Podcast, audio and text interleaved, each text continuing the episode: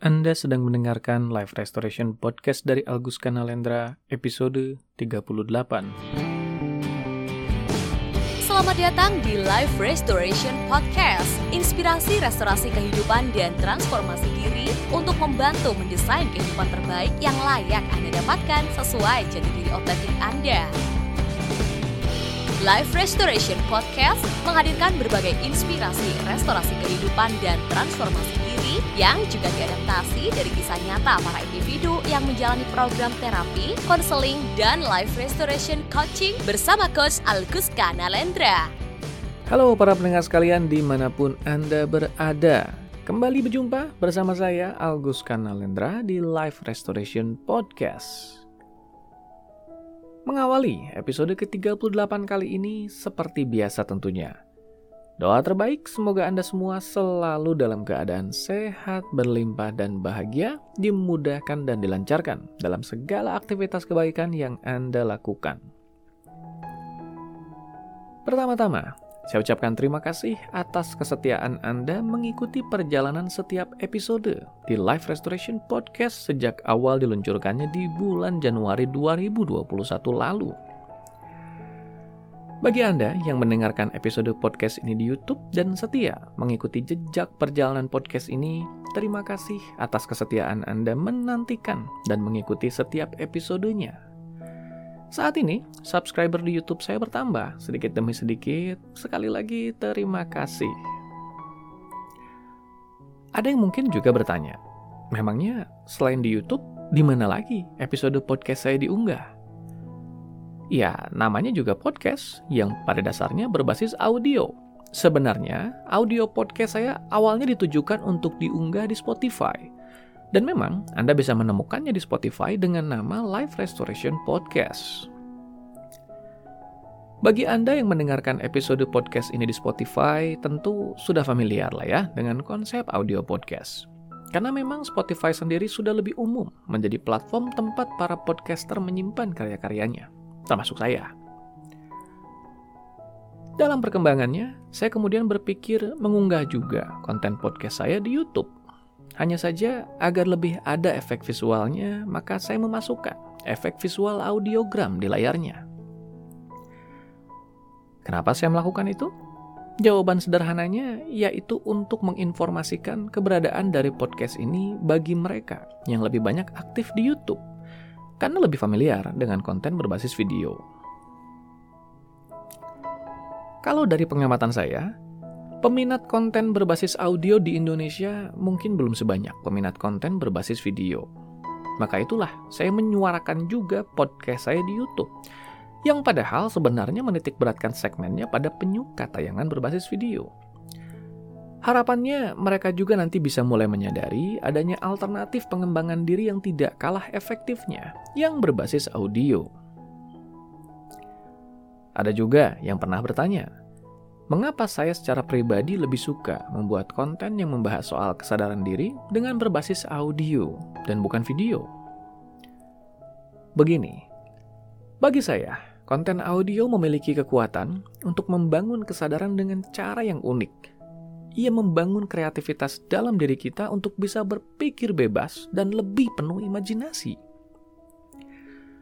Ketika menonton video, telinga kita mendengar konten audio yang disuarakan, dan mata kita melihat konten yang dipertontonkan.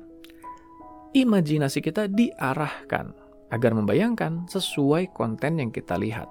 Sebatas itu. Maka, bagi saya ada batasan imajinasi yang mau tidak mau tercipta dari konten berbasis video. Karena cakupan gambaran internal yang kita miliki dalam pikiran kita menjadi terbatas, bergantung stimulus yang kita terima. Dalam konten berbasis audio, karena stimulus yang diterima hanya suara dan tidak ada gambar apa pun, maka daya imajinasi kita berkembang Daya pikir kita lebih kreatif dalam mencipta gambaran sesuai basis data yang kita miliki dalam pikiran kita. Bisa ke mana pun, seperti free association atau asosiasi bebas. Ia melatih kreativitas dan imajinasi kita. Bukan berarti konten berbasis video itu jelek loh ya.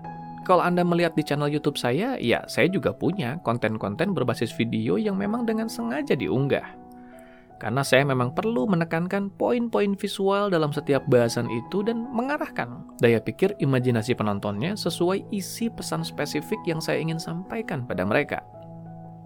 Tapi ya begitulah, itu hanya bahasan awal pembuka saja kok.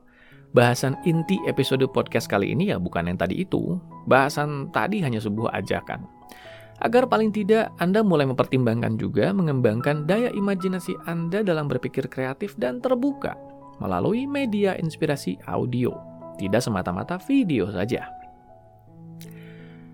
Paling tidak sudah lebih jelas lah sekarang ya, kenapa saya masih mengunggah juga konten berbasis audio di YouTube yang pada umumnya sebenarnya digunakan untuk platform konten berbasis video. Oke, waktunya kita masuk ke topik bahasan di episode kali ini, yang sebenarnya merupakan lanjutan dari bahasan di episode sebelumnya yang berjudul Pesan Tersembunyi di Balik Emosi. Oh ya, kalau Anda belum mendengarkan episode sebelumnya, silakan menyempatkan diri untuk mendengarkannya ya. Karena yang dibahas di episode kali ini adalah lanjutannya supaya Anda bisa memahaminya dengan lebih utuh. Di episode sebelumnya, saya sudah membahas bahwa tidak ada yang namanya emosi negatif. Yang ada adalah emosi yang berdampak negatif. Setiap emosi bersifat netral. Semua emosi juga punya fungsi dan peran positif bagi diri kita. Yang menjadikan emosi berdampak negatif adalah karena ia muncul kita rasakan di waktu dan tempat yang tidak sesuai dengan peruntukannya. Lalu kita sendiri gagal memahami pesan yang dibawa oleh emosi ini. Yes, setiap emosi memiliki pesan tersendiri untuk kita pahami. Sebagai respon alami sistem kesadaran kita atas peristiwa di luar diri kita, atau atas apa yang kita pikirkan, keberadaan emosi memiliki fungsi tersendiri untuk mengingatkan kita atas hal-hal yang seharusnya kita sadari, hargai, dan sikapi. Kalau kita bisa memahami dan menyikapi pesan dari emosi ini, maka respon emosi ini akan lebih bisa kita kendalikan dan dampak buruknya lebih bisa kita minimalisir. Di episode kemarin, saya sudah menggarisbawahi bahwa tidak semua emosi beserta pesan yang dibawanya akan saya bahas karena ada banyak sekali jenis-jenis emosi. Membahas itu semua bisa menyita waktu yang panjang sekali. Emosi yang saya bahas di episode kemarin hanya beberapa emosi yang sering kali dikategorikan sebagai emosi yang berdampak negatif dalam kehidupan sehari-hari. Atau masyarakat biasa menyebutnya emosi negatif. Yaitu ketakutan, termasuk kecemasan, lalu kemarahan, yang termasuk di dalamnya kekecewaan dan kebencian, dan juga kesedihan, yang di dalamnya akan ada bahasan soal penyesalan juga. Karena saya sudah membahas fondasi dari setiap emosi dan pesan yang dibawanya di episode sebelumnya, maka di episode kali ini saya akan langsung fokus membahas cara bersahabat dengan emosi-emosi ini, ya. Cara bersahabat dengan emosi saya rangkum ke dalam empat tahap. Pertama, yaitu menghargai peran keberadaan dan maksud positif dari emosi itu. Kedua, kita memahami isi pesan yang dibawa oleh emosi itu.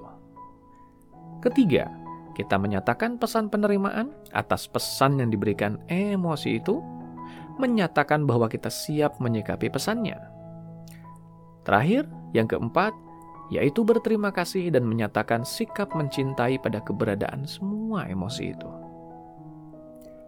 Ketika melakukan keempat hal tadi, Sebetulnya kita sedang melakukan satu hal yang sangat esensial sekali bagi kesehatan mental dan kedamaian batin kita, yaitu menghargai, mencintai, dan memelihara diri. Karena memang semua emosi itu kan bagian dari diri kita. Kita tidak memandang diri kita sebagai pribadi yang bermasalah, tapi justru sebagai pribadi yang unik, pribadi yang penting, pribadi spesial yang layak dijaga dan diperhatikan dengan sebaik mungkin. Kalaupun ada situasi yang kita anggap bermasalah, maka itu karena kita belum mengenali dan memahami diri sendiri ini dengan baik. Nah, waktunya kita membahas prakteknya. Untuk memahaminya dengan lebih mudah, saya akan langsung saja menggunakan contoh kasus dan contoh prakteknya ya.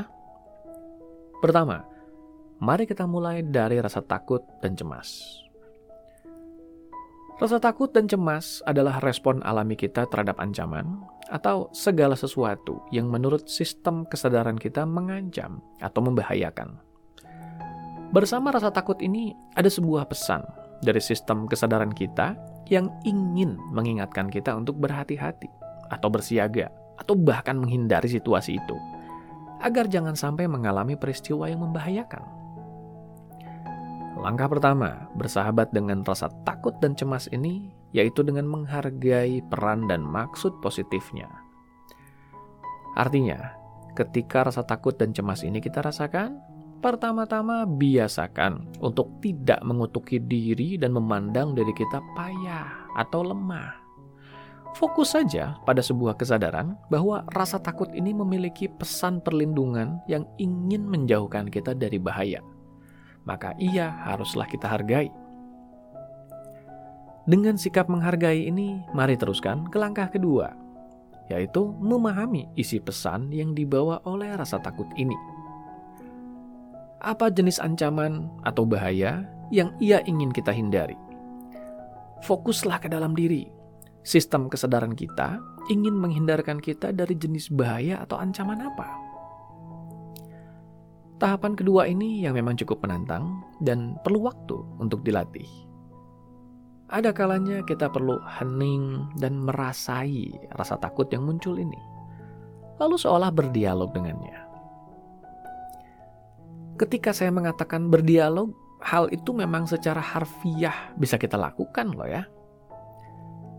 Yes, Anda bisa mencoba memahami isi pesan yang dibawa rasa takut ini dengan mengheningkan diri fokus pada diri Anda dan menunjukkan pesan seolah berdialog dengan emosi takut ini. Seperti, Halo, terima kasih atas pesanmu. Aku paham, kau ingin menghindarkanku dari bahaya. Aku menyadari dan menerima pesanmu. Kau tidak ingin aku mengalami bahaya. Terima kasih ya atas niat baikmu. Aku ingin tahu kau ingin menghindarkanku dari bahaya apa. Oh ya, tahap ini dilakukan dalam kondisi santai dan aman ya. Jangan dalam kondisi sedang beraktivitas seperti mengemudi atau aktivitas lain yang malah membuat Anda tidak bisa fokus ke diri sendiri dengan baik. Anda sedang berdialog dengan sosok yang sangat spesial, diri Anda sendiri. Jadi perlakukan diri Anda dengan penuh rasa hormat Berikan waktu dan perhatian terbaik yang bisa Anda berikan dalam proses ini. Nantinya, kalau seperti ada pesan-pesan intuitif yang muncul, terima saja. Jangan mengkritisi atau jangan berpikiran, rasanya tidak ada pesan apa-apa deh. Percayalah, ketika kita fokus dengan baik pada diri sendiri dan berdialog dengan baik, pasti akan ada respon dari bagian kesadaran kita yang menyampaikan pesan itu. Kita hanya harus sabar dan memperlakukannya dengan lebih penuh perhatian. Saya katakan sebagai pesan intuitif karena jawaban yang diberikan oleh sistem kesadaran kita bisa beragam. Bisa seperti gambaran yang muncul dalam pikiran, bisa juga seperti jawaban balik berupa suara atau kalimat dialog bisa juga malah kita sulit menjelaskannya. Pokoknya ada sebuah kesadaran yang seolah jadi tahu apa yang ingin disampaikan oleh sistem kesadaran kita. Intinya, kalau sudah mulai mendapatkan jawaban atas jenis bahaya yang ingin dihindarkan oleh sistem kesadaran ini, maka lakukan langkah ketiga, yaitu nyatakan pesan penerimaan. Seperti, terima kasih atas pesan dan niat baikmu aku sangat menghargainya. Sikap menghargai ini harus selalu dijaga ya. Lalu nyatakan, aku terima pesan dan niat baikmu dengan penuh sukacita. Terima kasih atas niat baikmu. Masih di tahap ketiga ini, kita juga bisa bertanya dan bahkan berkomunikasi lebih lanjut dengan emosi ini.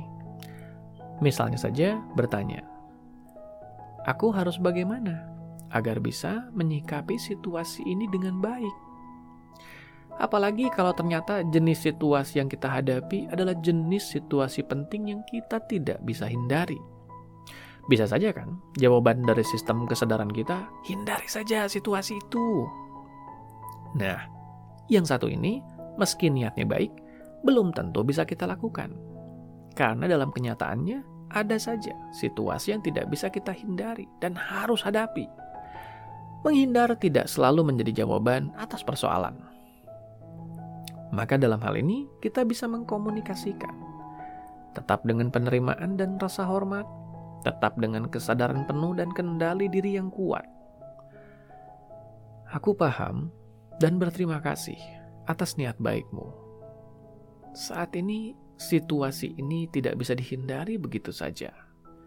Karena situasi ini juga penting bagi masa depan kita. Aku percaya kau punya jawaban dan solusi. Apa yang harus aku lakukan agar bisa melewati situasi ini dulu? Aku harus berhati-hati dan mempersiapkan apa agar bisa melewati situasi ini dengan baik dan aman. Di tahap ini, biasanya emosi ini akan lebih bersahabat. Nanti sikapi saja apa pun solusi yang diberikannya. Lalu akhiri dengan langkah keempat berterima kasih lagi, dan nyatakan bahwa kita betul-betul menghargai keberadaannya dan menunjukkan rasa cinta kasih padanya. Misalnya dengan mengatakan, "Sekali lagi, terima kasih ya atas kasih sayangmu padaku. Aku menghargai dan mencintaimu. Mari semakin bersahabat dan menjadikan hidup kita lebih baik." Kalau perlu, lakukan langkah ini sambil melakukan gerakan seperti memeluk diri sendiri dengan penuh cinta kasih. Nah, semakin sering kita melatih keempat langkah tadi, maka akan lebih mudah kita memahami diri dan bersahabat dengan emosi dalam diri kita. Satu hal penting untuk Anda pahami, keempat langkah tadi harus dilakukan dengan kesiapan dan kendali diri yang penuh ya dengan niat tulus untuk bisa memahami dan mengendalikan diri dengan baik, bukan dengan batin yang lemah dan sedang tidak fit. Ngomong-ngomong, ketika berdialog dengan emosi takut ini, ada kalanya mereka mengingatkan juga bahwa ternyata mereka ingin menghindarkan kita dari situasi itu karena kita pernah mengalami kejadian yang tidak menyenangkan di masa lalu yang mirip dengan situasi itu. Istilah lainnya, trauma. Bisa saja, bahkan kenangan itu dihadirkan dalam benak kita berupa gambaran atas peristiwanya dulu ketika hal itu kita alami. Kalau sampai itu disampaikan, maka luangkan waktu lebih untuk memahami peristiwa spesifik yang kita alami dulu. Tetap dengan mode kendali diri yang baik, lalu ambil pembelajaran yang bisa kita petik di situasi itu. Dulu, situasi trauma itu terjadi karena apa? karena kita tidak siap mengantisipasi apa. Apa yang dulu tidak kita ketahui, atau kita tidak siap antisipasi, sampai-sampai kita mengalami yang tidak menyenangkan itu. Lalu saat ini, dengan pembelajaran itu, bagaimana kita bisa mencegah diri kita di masa kini agar tidak perlu mengalami hal yang sejenis? Apa yang harus kita siapkan? Nah, lagi-lagi kembali ke hal yang harus kita lakukan atau siapkan kan? Dengan ini kita bisa mengubah kadar energi dari emosi ini dari yang semula tidak berdaya menjadi lebih berdaya dan bahkan menjadi sahabat untuk bisa melalui situasi yang dianggapnya berpotensi mengancam itu. Kali ini dengan lebih baik dan dengan lebih penuh kesiapan. Berikutnya, kita bahas emosi marah ya. Karena ini yang kita bahas juga di episode kemarin di mana marah ini ada kalanya terhubung dengan kekecewaan dan kebencian. Sekali lagi juga, di balik kemunculannya yang terkesan membahayakan, rasa marah sebenarnya merupakan buah dari kekecewaan. Ia merupakan pesan dari sistem kesadaran kita yang ingin menegaskan prinsip diri karena merasa ada prinsipnya yang terlanggar. Sebagai manusia, kita punya serangkaian aturan dan prinsip yang kita terapkan dalam memandang dunia luar. Kita punya cara pandang yang ideal atas bagaimana seharusnya dunia di luar diri kita berlangsung. Bagaimana orang lain seharusnya bersikap, dan banyak lagi prinsip lainnya. Ketika prinsip ini terlanggar, maka muncullah kekecewaan. Dari kekecewaan, kemudian muncullah rasa marah baik itu rasa marah pada situasi karena ia tidak berlangsung sesuai harapan kita, atau rasa marah pada orang lain. Kalau kalau ternyata kekecewaan itu disebabkan oleh orang lain. Bisa juga rasa marah pada diri sendiri karena ternyata kekecewaan itu ditunjukkan ke diri sendiri. Ketika kemarahan ini dibiarkan berlarut-larut dan terakumulasi, maka ia berpotensi berubah menjadi kebencian. Terlepas dari seberapa keras pun kesan yang dibawa kemarahan, tetap saja ia memiliki pesan positif menegaskan prinsip diri dalam rangka mempertahankan yang kita anggap sebagai standar ideal diri kita. Kembali ke langkah pertama bersahabat dengan emosi. Kali ini untuk bersahabat dengan rasa marah ini. Yaitu dimulai dengan menghargai peran dan maksud positifnya. Artinya, Ketika rasa marah ini kita rasakan, fokus pada sebuah kesadaran bahwa rasa marah ini memiliki pesan ketegasan yang ingin menegaskan prinsipnya. Dengan sikap menghargai ini, mari teruskan ke langkah kedua, yaitu memahami isi pesan yang dibawa oleh rasa marah ini. Apa jenis prinsip yang ia ingin kita tegaskan pada dunia di luar diri kita, pada lingkungan di sekitar kita? karena menurutnya prinsip ini terlanggar. Dalam hal ini, penting bagi kita untuk jujur. Ada hal apa yang kita tidak bisa terima dari perlakuan orang lain atas diri kita? Atau ada situasi apa yang tidak bisa kita terima berlangsung di luar diri kita? Apa prinsip diri kita yang kita tahu betul-betul terlanggar oleh semua ini?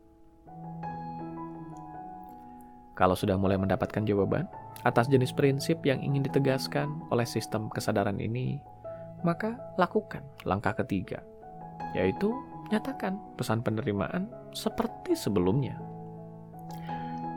Terima kasih atas pesan dan niat baikmu. Aku sangat menghargainya. Aku terima pesan dan niat baikmu dengan penuh sukacita. Terima kasih atas niat baikmu. Di tahap ketiga ini, kita juga bisa berkomunikasi lebih dalam dengan emosi ini.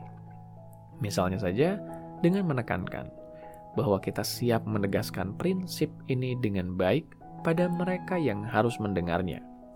Dengan cara yang akan fokus menyampaikan prinsip tanpa harus meluapkan energi kemarahan ini dengan cara yang merugikan.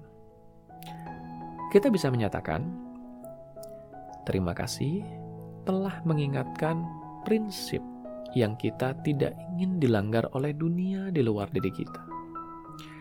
Aku akan menegaskan prinsip ini agar mereka paham.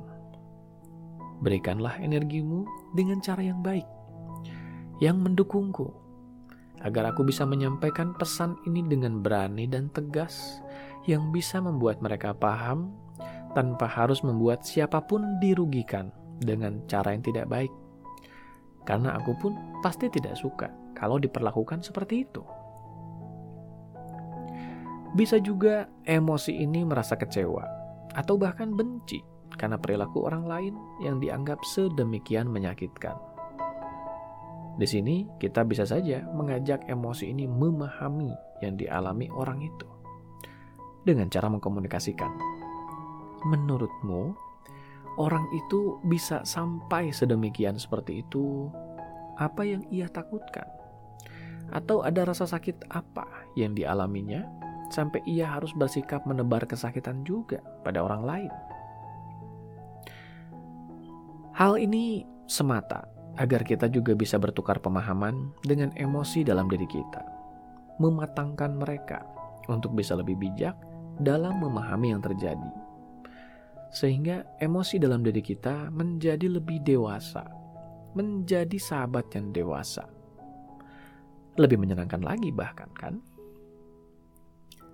Akhiri dengan langkah keempat, seperti sebelumnya.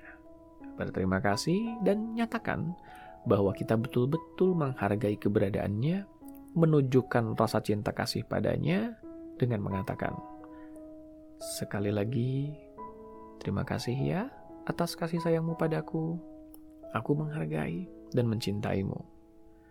Mari semakin bersahabat dan menjadikan hidup kita lebih baik.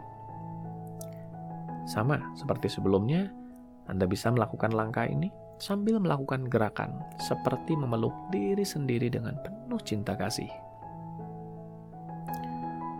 Yang terakhir di bahasan kita di episode kali ini yaitu emosi sedih yang sering terhubung juga dengan penyesalan. Rasa sedih yang kita bahas ini adalah yang lebih identik dengan perasaan kehilangan atau rasa duka ya. Karena jika rasa sedih ini muncul sebab kita gagal atau tidak mendapatkan yang kita inginkan, maka ia lebih identik dengan kekecewaan. Apa kiranya pesan yang dibawa oleh rasa sedih? Seperti saya sudah bahas di episode sebelumnya, rasa sedih membawa pesan pengingat untuk kita agar menghargai kenangan yang kita miliki dan menjaganya sebagai bagian penting dalam hidup kita. Mari kita kembali ke langkah pertama bersahabat dengan emosi. Kali ini untuk bersahabat dengan rasa sedih ini. Yaitu dimulai dengan menghargai peran dan maksud positifnya. Artinya, ketika rasa sedih ini kita rasakan, fokus pada sebuah kesadaran bahwa rasa sedih ini memiliki pesan untuk kita menghargai sebuah kenangan yang kita alami dan meletakkannya di tempat yang spesial di hati kita. Dengan sikap menghargai ini, mari teruskan ke langkah kedua, yaitu memahami isi pesan yang dibawa oleh rasa sedih ini. Apa jenis kenangan yang kita miliki?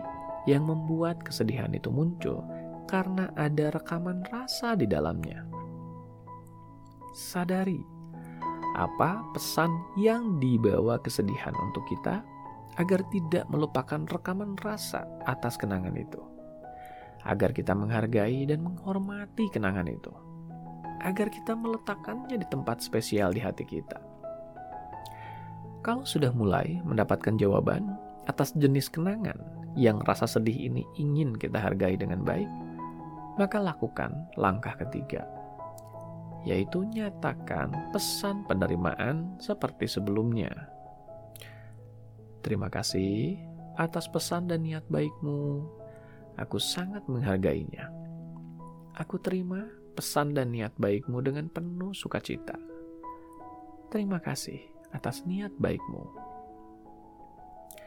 Di tahap ketiga ini, kita juga bisa menyampaikan pada emosi ini bahwa kita berterima kasih atas pengingat yang diberikannya.